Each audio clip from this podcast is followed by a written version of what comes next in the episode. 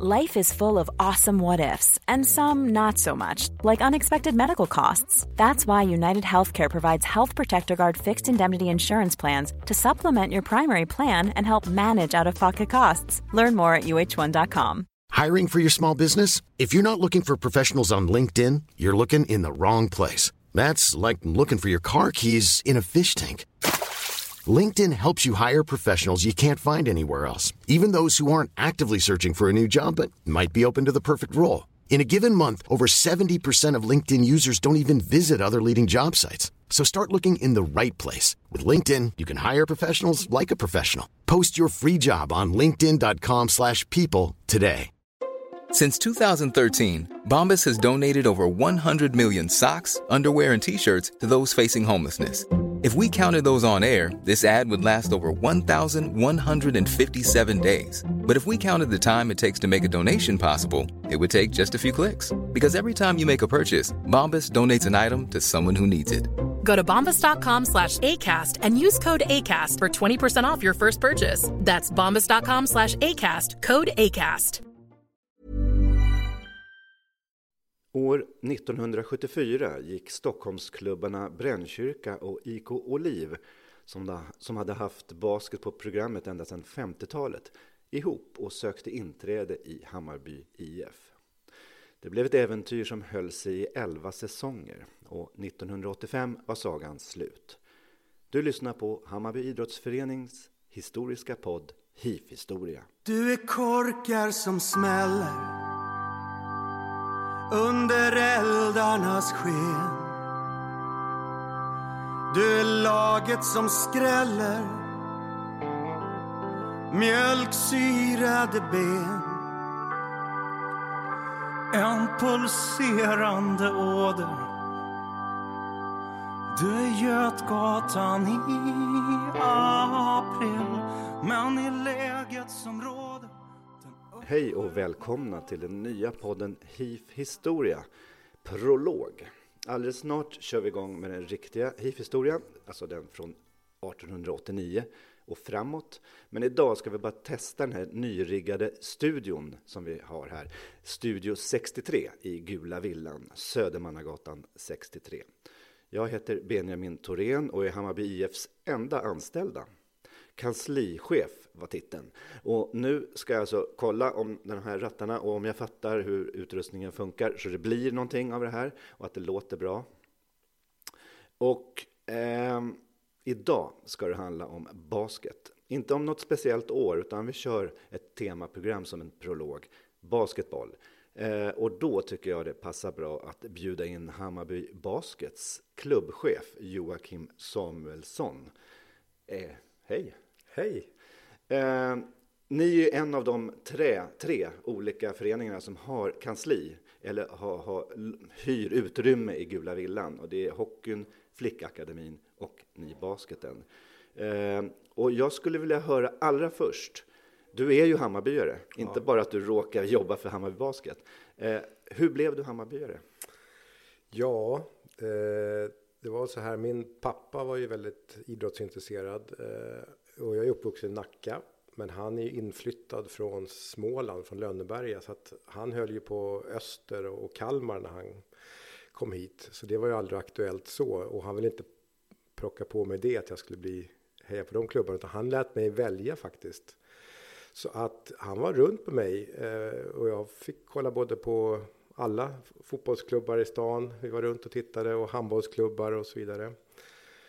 Eh, och sen jag vet inte exakt vad, men det kan ha varit 82, eh, Samborkestern. Jag var inte där, men jag såg det på tv och det kommer jag aldrig glömma.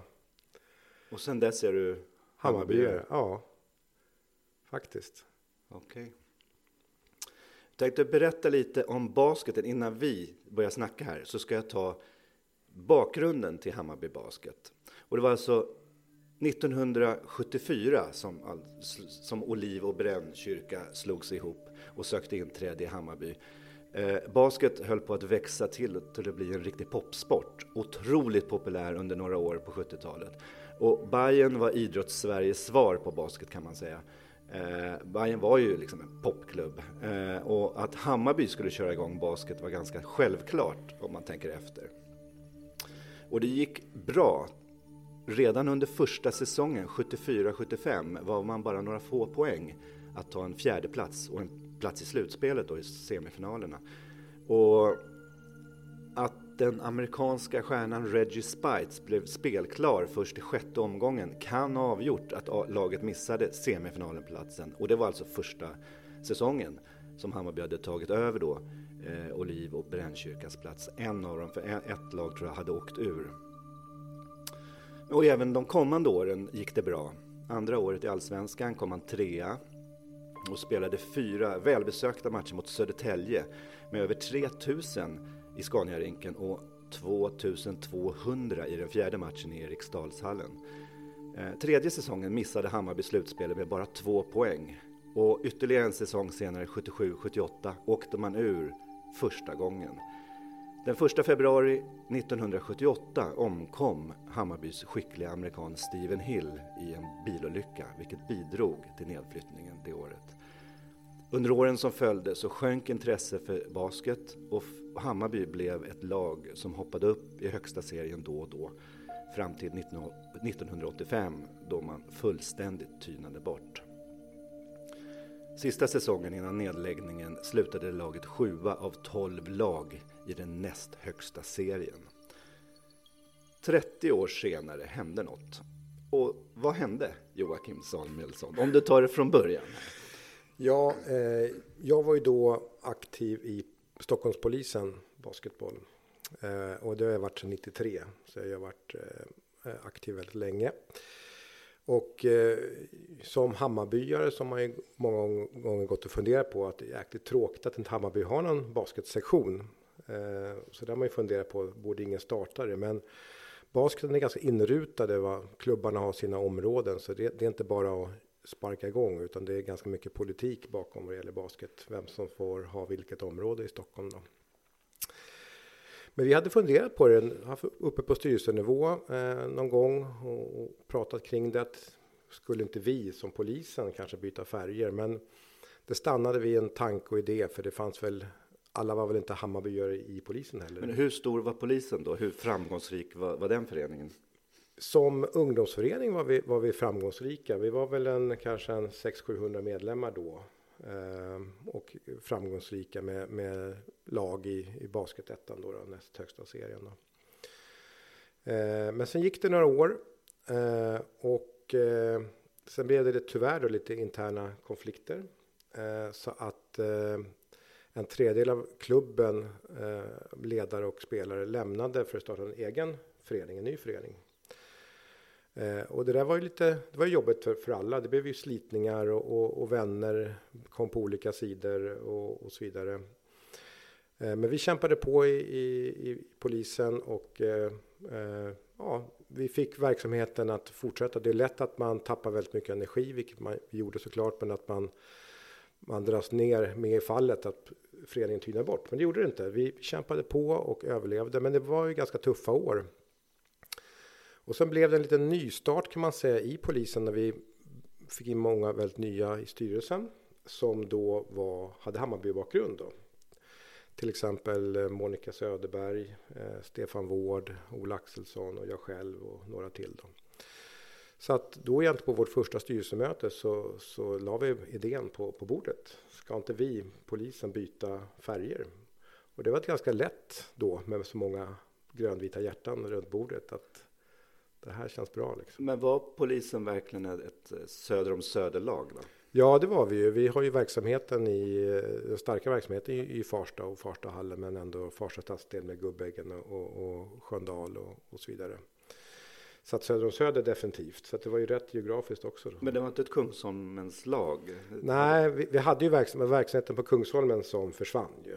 Så att innan dess så var vi ju polisen Kungsholmen och eh, söderort då, med Farsta som bas. Sen var det Kungsholmsdelen som försvann från verksamheten då, så att vi blev egentligen rent söderortslag då i det här fallet. Då. Så att på styrelsemötet så föddes detta och, och sen började vi jobba för det. Och eh, alla var överens. Eh, och vi tog kontakt med Hammarby IF. Och, eh, Någon fick uppdrag att ringa och hamnade hos Britta som satt på föreningskansliet och ställde frågan. Och vi blev bemötta väldigt positivt. För det fanns ju ingen basketverksamhet i Hammarby. Och vi hade väl då kanske, låt oss säga 400-500 medlemmar då i föreningen. Eh, som då skulle kunna byta färger. Men vad, vad sa folk som spe, spelade i laget då, eller i klubben?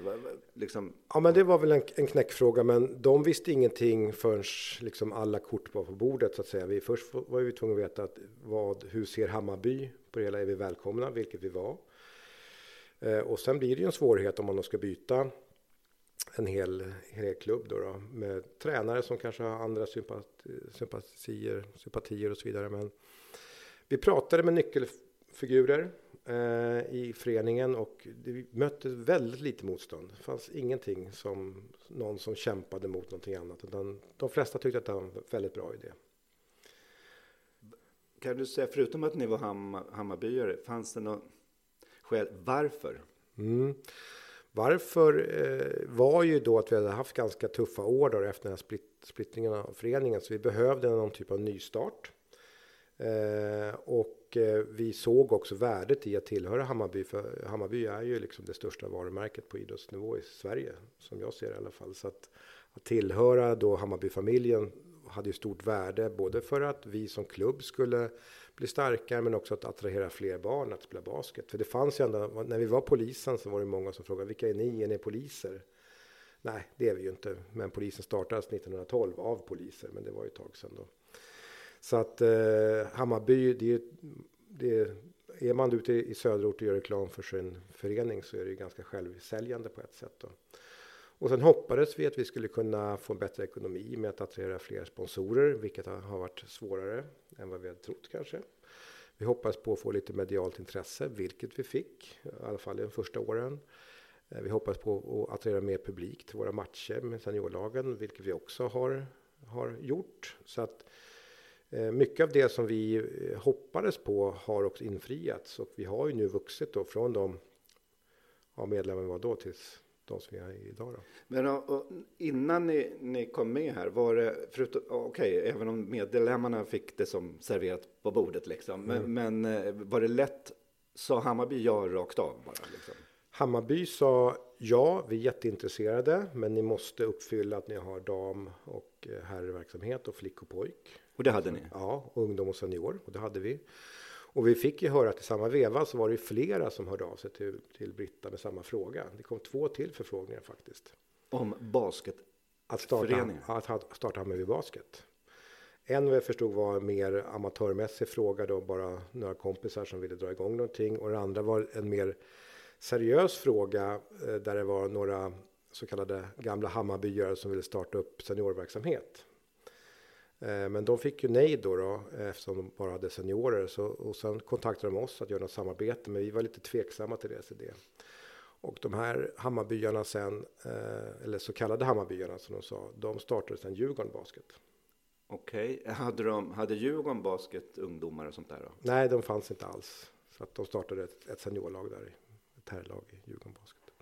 Det låter ju som ett ganska vågat hopp liksom. Ja. Alltså, Eh, tyckte ni att det var skönt att ni tackade nej då? När ni hörde att det var så enkelt att välja Djurgården när det inte blev Bayern? Lite så ja. Så var det. För de ville bara ta hand om herrseniorerna. Men vi kände ju att vi, nu byter vi ju liksom färg för, för alla klubbmärken, för alla våra medlemmar. Så att, att ta in några som lät väldigt övertygande och professionella, att bara ta, ta över en liten del kändes väldigt otryggt och osäkert. Vi satt ju faktiskt på hela verksamheten då. Så att eh, Eh, vi valde att tacka nej och det, kän det kändes bra efteråt faktiskt.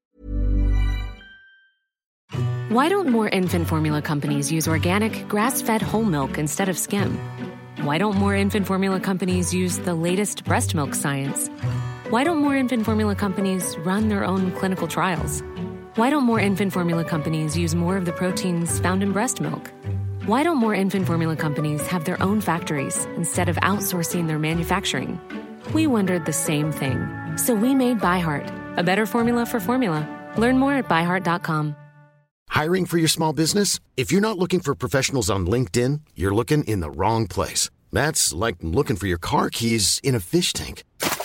LinkedIn helps you hire professionals you can't find anywhere else, even those who aren't actively searching for a new job but might be open to the perfect role. In a given month, over 70% of LinkedIn users don't even visit other leading job sites. So start looking in the right place. With LinkedIn, you can hire professionals like a professional. Post your free job on linkedin.com slash people today.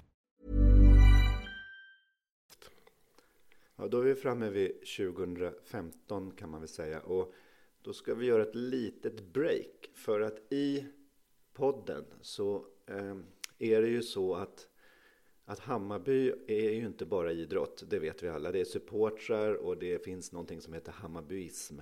Eh, som är egentligen allt kulturellt som är vid sidan om. Det handlar ju om allt möjligt från böcker till matchprogram, eh, musik, film, eh, allt.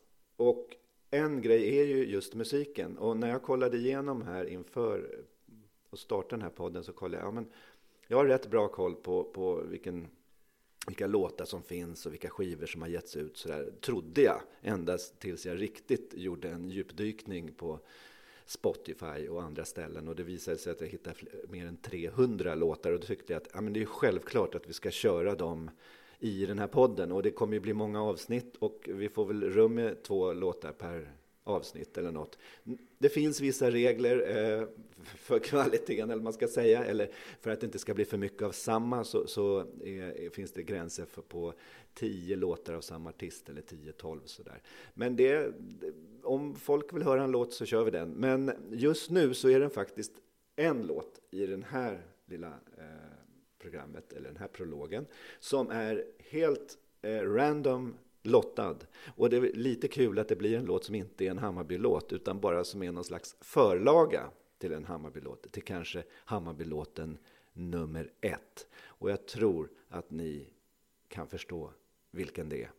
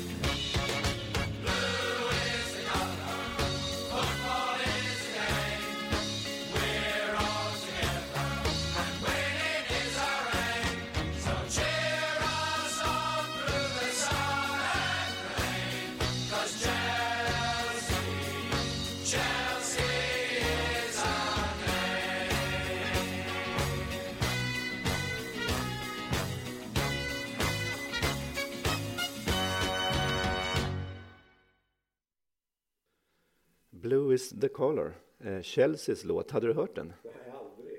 Jag är lite besviken faktiskt. Oh, förlåt.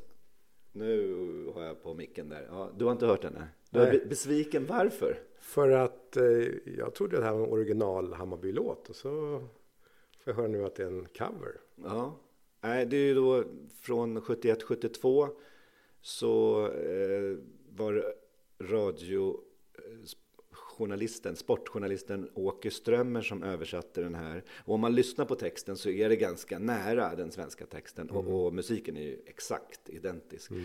Eh, och det finns, det finns klipp på Youtube där han förklarar eh, varför det blev Bayern och inte Djurgården som var hans favoritlag. För att det var, Djurgården sjöng ju inte, utan det är Hammarbyare som sjöng. Såklart. Ja. Om vi går, kommer tillbaka till basketen här då. Ni kom in 2015 och du var inne lite på att vissa grejer blev som ni hade hoppats, andra inte. Vad, vad, vad hade ni för förväntningar innan då? Eh, ja, men förväntningarna var ju lite grann det, det jag sa då. Eh, kring eh, ökat medlemsantal, mer intresse kring Hammarby basket och basket då. då. Få fler intresserade att vilja spela basket. Eh, attrahera sponsorer och ja, sådana bitar då. då. Och utmaningen låg ju att få alla att tycka att det här var bra. För att nu behövde man ju köpa in nya matchkläder till hela föreningen och, och allting skulle ju bli nytt. Eh, kasta allt gammalt och köpa in nytt, det är inte heller gratis så att säga. Och det blir ju en del på medlemmarna. Men jag tycker vi fick med alla på tåget och vi, det var ju ett extra årsmöte i Hammarby, eller i polisen basket ska jag säga. För där man röstade ja till att bli Hammarby och det var ett extra årsmöte i Hammarby IF att ta med oss också. Så att det var ju det var en process, men processen gick ju bra och, och sen landade vi i att bli Hammarby. Då. Du sa eh, sponsorer, Mm. det hade ni hoppats på. Är det lättare? Eh, jag skulle säga så här, ja, vi har ju lite sponsorer idag och det hade vi ju knappt någon under polisentiden. Så att ja, det har blivit eh, bättre och det har öppnat fler dörrar också. Sen har vi inte sett några stora pengar, men vi har skapat flera samarbeten och eh, folk som redan innan gillar Hammarby har varit väl, varit väldigt vänliga i processen. Då. Så att ja, eh, det blivit mer, men kanske inte ekonomiskt på den, de beloppen som vi hade hoppats på. Och, och spelare då? Alltså sådana som börjar spela basket. Eh, har, tror du att det har hjälpt? Det har hjälpt. Eh, Det där är svårt och vi gör inga enkäter kring det. Men det, det är mycket lättare att, eh, visst det- vi kommer ut i skolor kanske och pratar basket där barn säger ja, Hammarby vill inte spela i för jag hejar på ett annat lag. Eh, Det var inte lika kontroversiellt med polisen men det öppnar också upp. Det är därför man ska stänga av ljudet på sin mobil. ja, Det öppnar också upp eh, dörrar där många innan är just Hammarbyare. Eh, och sen är det så att vi har en ganska svag basketkultur i Sverige där många föräldrar inte har så mycket koll på basket. Och när barn kanske kommer hem och säger jag vill spela basket så kan det vara liksom mm. Men är det kopplat ihop med Hammarby då finns det en större liksom, vilja och förståelse för ja det är klart du ska spela basket i, om det är Hammarby. Så att ja, jag tycker att vi fick en, ett uppsving eh, ganska tidigt. Att det blev fler, intresset blev större kring barn och, och så vidare. ungefär hur många var ni när ni blev liksom... eh, När, när de här avhopparna eh, kom? 400-500 någonting? Eller? Ja, jag skulle säga att vi var väl drygt 800 när, när vi var som störst som polisen och sen så försvann det då en, ja men säg en drygt 300 så att vi var väl kanske en 450 medlemmar, 400, 450, 500 kvar där då. Och nu är ni... Nu är vi 1200. Det är ju en tredubbling. Ja, Eh, hur, har ni ambitioner att liksom växa och växa bara?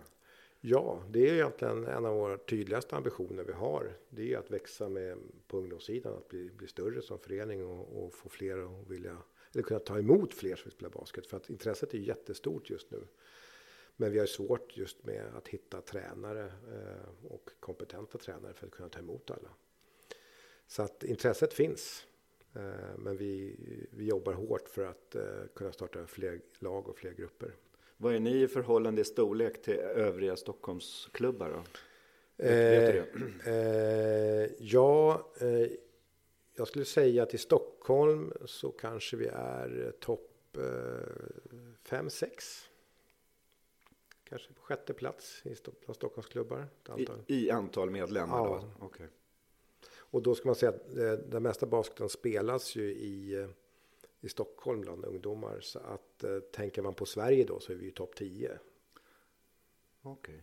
i storlek. Men de bästa lagen finns väl inte här? Alltså på A-lagsnivå? Nej, det är det som är basketens eh, dilemma just nu. Att vi har ju inget seniorlag i högsta serien i Stockholm. Då. Eh, damlag, ja. Där har vi flera klubbar faktiskt. Men på här sidan nej. Och det är ett stort problem faktiskt. Att huvudstaden inte har det. Det finns inte ens ett, eh, inte Göteborg har inte heller ett lag i högsta serien på här sidan och inte Malmö heller. Så det är ett storstadsproblem det här med senior, på herrseniorer ska jag säga. Eh, att Men, men er ambition det är att få upp Ja. två lag i högsta serien? Ja, Är det så? Ja, det om man säger ambition. Ja, men den Eller vara, dröm? Ja, eller? det är mer en dröm eller en, en vilja. Eh, pratar vi ambition, då är det någonting vi jobbar väldigt aktivt för skulle jag säga. Det gör vi inte riktigt, utan nu, nu har vi en vilja. Det finns en avsiktsförklaring att vi vill spela i högsta serien både för herrar och eh, damer. Då. Hur nära är ni det? Om man säger kvalitetsmässigt Ja. just nu.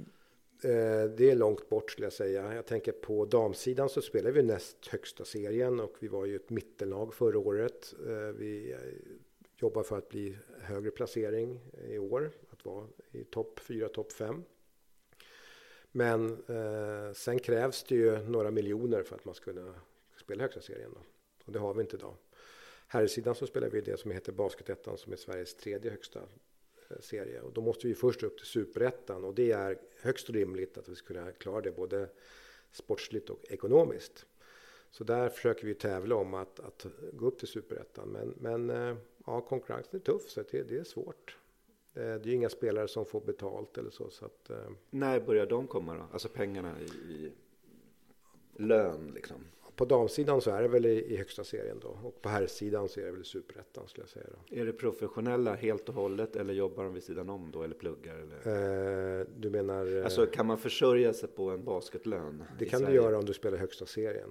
Där, där kan du försörja dig. Det är inga stora pengar men du kan försörja dig både som tränare och spelare i högsta serien i Sverige. Men, men inte, du kan inte lägga undan några pengar och, och spara till pensionen utan du kan, du, du, du kan leva på det idag skulle jag säga. Du kan leva på nudlar? ja, det med. Okej. Eh, och, men ni är en bit ifrån? Känns det? Det känns så, det måste man väl säga. Sen får man ta ett steg i taget. Talar vi herrar som sagt så är ju, ja, vi måste ju upp till superettan först och det är ett rimligt mål. Sen får vi se vad vi kan ta oss därifrån i nästa steg då. Men det är ju det är, det är ett enkelt, inom citationstecken, första steg då. Damsidan så är ju nästa steg högsta serien och jag skulle säga att vi organisatoriskt skulle klara av det och hade vi bara haft pengar eh, så det handlar ju om att eh, ha några, kunna avlöna några importer och då skulle vi ju kunna spela i högsta serien. För jag är helt övertygad om att Hammarby som, som varumärke skulle attrahera många att spela för oss då. Om vi spelar på den nivån. Vi pratar ju om eh, sponsorer och, eh, och medlemmar. Men hur var det med publik då? Alltså, finns det någon publik liksom? Det finns publik, eh, men jag menar, vi pratar ju inga, inga tusentals människor. Vi pratar om ett par hundra. Men är det bra då? Det är bra för den nivån vi spelar på. Jag skulle säga att på, på de, dam och här, i de serierna vi spelar i, så är vi i toppen om man skulle ha publikligor. Eh, Så är vi definitivt i toppen av dem, i de serierna. Men beror det på att det är så många som är medlemmar som går på matcher eller är det, alltså, är det extern publik också?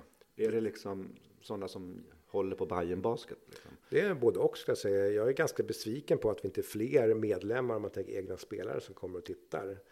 Och trots det, för om vi har ett medlemsantal på 1200 så borde vi kunna närma oss nästan 1000 tänker man på vissa matcher. Men det gör vi ju inte, det är vi långt ifrån. Men, eh, men vi får jobba ju på det hela tiden att försöka få dit våra egna ungdomar och spelare och så här. Men det, det är lite blandat faktiskt, eh, vilka som kommer och tittar. Men eh, det är ju en dröm om till exempel några supportergrupper som Bayern fans eller andra skulle dyka upp på några matcher. Bara råka vara där? och- Ja, precis. Eh, har du några minnen av Mark One Hammarby? Alltså första versionen eh, på 80-talet eller 70-talet. Är du gammal nog?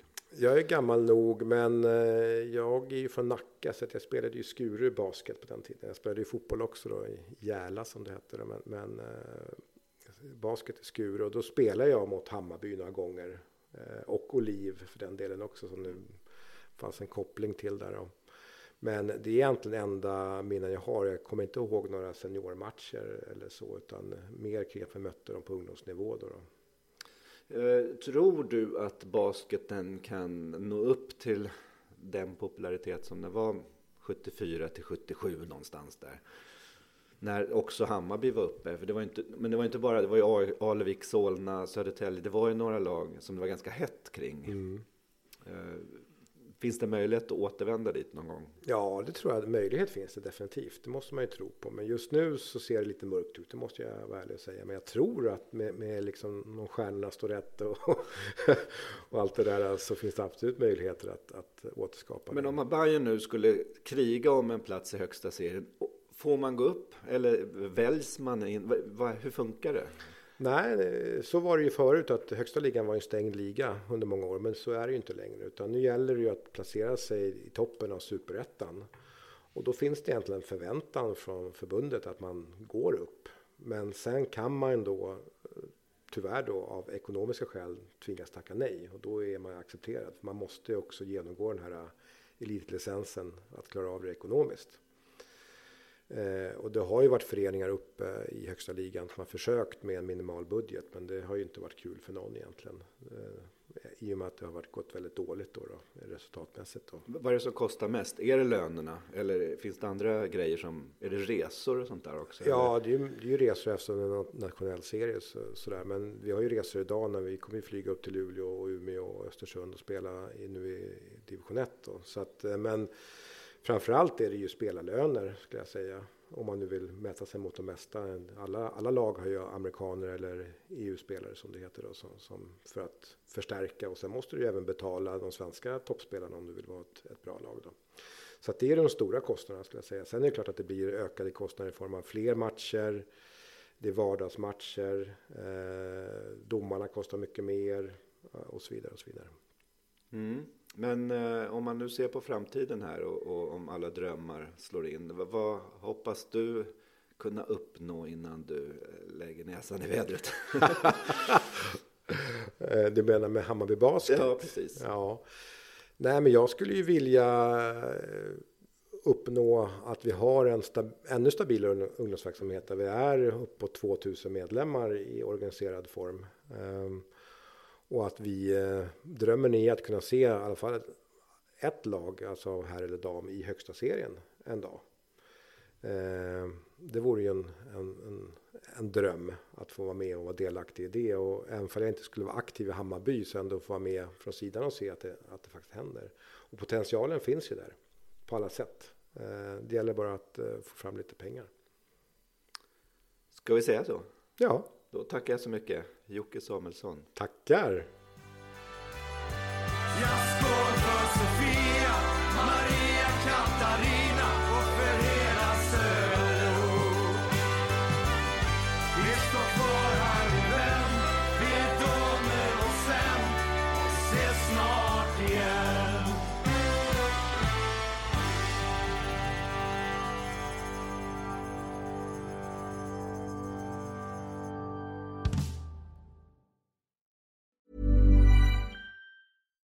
Deserves the best, and there's no better place to shop for Mother's Day than Whole Foods Market. They're your destination for unbeatable savings, from premium gifts to show-stopping flowers and irresistible desserts. Start by saving 33% with Prime on all body care and candles. Then get a 15-stem bunch of tulips for just $9.99 each with Prime. Round out Mom's menu with festive rosé, irresistible berry chantilly cake, and more special treats. Come celebrate Mother's Day at Whole Foods Market.